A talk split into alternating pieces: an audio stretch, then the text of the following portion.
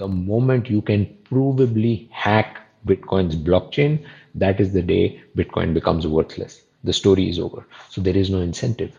There is no incentive for anybody to spend billions of dollars to try and do something that still seems impossible to achieve, only to end up with Bitcoin in their wallet that is worthless because you just hacked the blockchain and you just ended the whole game.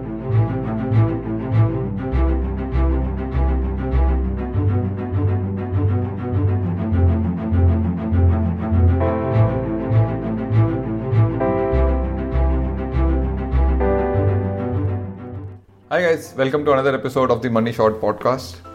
In our last two episodes, we spoke about blockchain technology, Bitcoin's blockchain technology. Uh, we launched a video uh, which had visual aid to explain blockchain tech. Then we did a Q&A format video wherein we cleared a lot of the common questions that people have about blockchain. This episode is a continuation of that. In this episode, I have a specific question for Vishesh. I have Vishesh and Parikshit with me on call. So Vishesh, let me jump into the question straight away. So you have said multiple times that Bitcoin cannot be hacked. It's hack proof. But theoretically, let's say somebody wants to give a shot at hacking Bitcoin. Okay. So theoretically, what would it take to hack Bitcoin?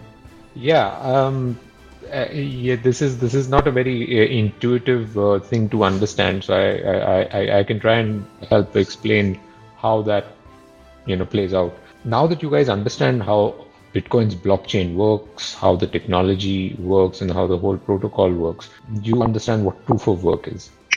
And so now, if you think back, the cost of proof of work is what basically disincentivizes the miner from cheating the system, right? Because if a miner has to cheat the system, or anybody, right? Like anybody who has to hack the blockchain, what, what does hacking mean? Hacking means you're going in, if you were to hack, hack a bank's database or a ledger, you would go in and you would change the amount sitting in a particular bank account and you would transfer it to another bank account, that would be your purpose of hacking, right? You're trying to steal funds.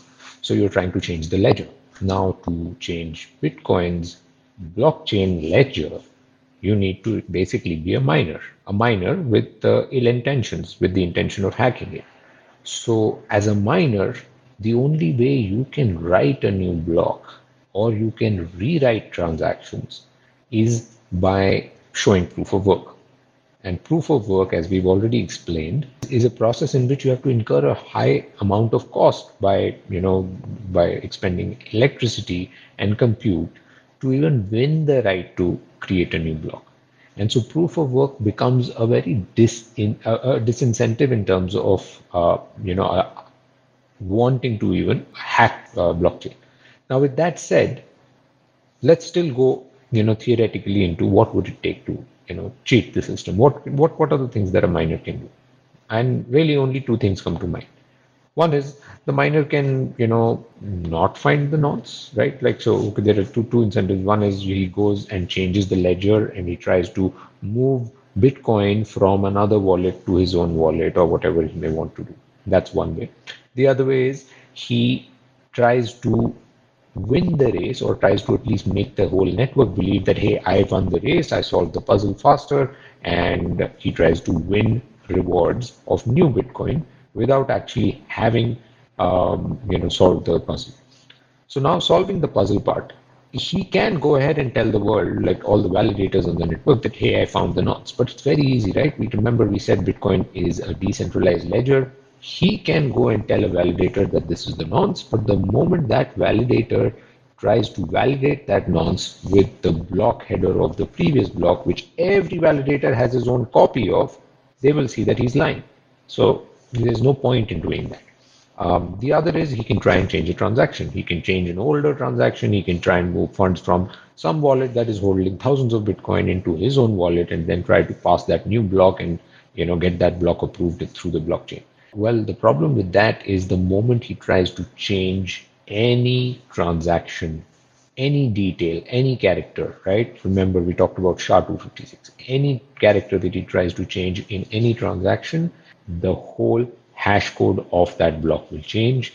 And the moment the hash code changes, it will not match with the what the validator's hash code is. And then again, the moment the validator tries to validate his work, he will say this is incorrect. So really, theoretically, these are the only two possibilities that a miner has to try and you know hack the network or cheat the network, and he cannot do that. But with that said, um, if theoretically, another theoretical possibility is that if a miner can control 51% or more of the network. Now, we did say that you need 51% or more of the network's validators to validate the work of a miner. What if one miner can get enough computing power to overtake more than 51% of the network? Then potentially he can, right? Like he can approve his own work because he has so many computing devices. They are all computing devices at the end of the day. And he can then get his work approved and his uh, new block approved and added to the blockchain. Um, but that's really just a theoretical possibility. You know, the the thing is that not only does you know getting a 51% at, uh, of the network computing power is it's kind of uh, impossible at this point. First of all, the computing power required, right? Like the computing required right now, the entire world has there is a global shortage of computing devices that are needed, these chips that are needed for the purpose of mining of blockchains. Not just Bitcoin blockchain, but other blockchains. Computing devices are not just used in blockchain, they are used for various industries. All the chip manufacturers are under huge pressure and they're not able to meet the demand. So, can you imagine in this scenario, somebody comes and buys more than 51% of the global mining capacity right now. That's just, you know, very hard to believe. Um, there is just not that kind of supply. But let's assume they do. They somehow find all the money in the world and they find the suppliers in the world to get that kind of capacity. Then comes the electricity. They need electricity to uh, even operate that uh, all, all those computing devices that they procure. When they procure all those computing devices, uh, the electricity cost of Bitcoin today uh, is higher than some countries. They, there are estimates that the cost of electricity of uh, you know Ireland is probably comparable to the kind of energy expenditure by Bitcoin. So the estimates are upwards of seven billion dollars, seven billion with a B, to to even try and overtake uh, 51% of the Bitcoin network. So that then becomes a huge disincentive. Now, what are you doing this for? Right? Like, okay, let's assume you have $7 billion to spend to try and hack the network. All right, you get in. What do you do? Now you have all the computing power.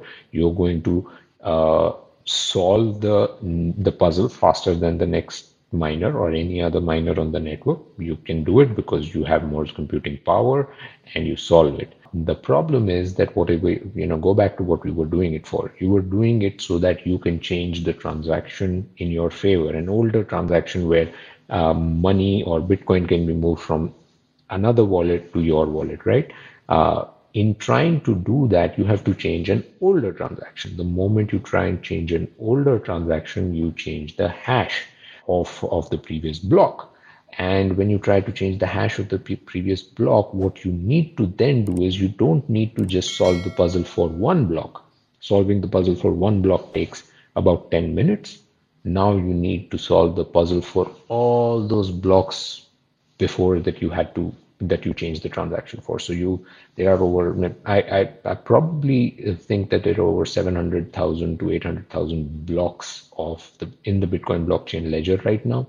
So it takes people or miners today about 10 minutes to solve one puzzle. You will probably have to solve that puzzle for 700,000 blocks all in less than 10 minutes. Now that makes starts becoming unbelievable, right? Like how are you going to get the kind of resources to even achieve that? And lastly, what I will say is at the end of it all, what were you trying to achieve, right? What was your purpose? If the you know if the purpose was to make money of it you know steal funds from somebody else's wallet guess what the moment you can provably hack bitcoin's blockchain that is the day bitcoin becomes worthless the story is over so there is no incentive there is no incentive for anybody to spend billions of dollars to try and do something that still seems impossible to achieve only to end up with bitcoin in their wallet that is worthless because you just hacked the blockchain and you just ended the whole game All right, cool. So I think this is this is going to explain a very common question that everyone has because a lot of words get thrown around around Bitcoin that it's not safe, it gets hacked. But we have been telling again and again that Bitcoin's blockchain tech is hack proof. No one has ever come close to hacking it. People lose their Bitcoin, but that's nothing to do with uh, Bitcoin getting hacked. It's uh, people don't store it properly, don't store it safely, or the exchanges or the wallets, software wallets in which they store it, they get hacked. But Bitcoin's blockchain tech has never uh, been hacked. So, so I think that's it for this episode. We have another episode coming up where we will answer a lot more questions about blockchain technology. So we'll see you there.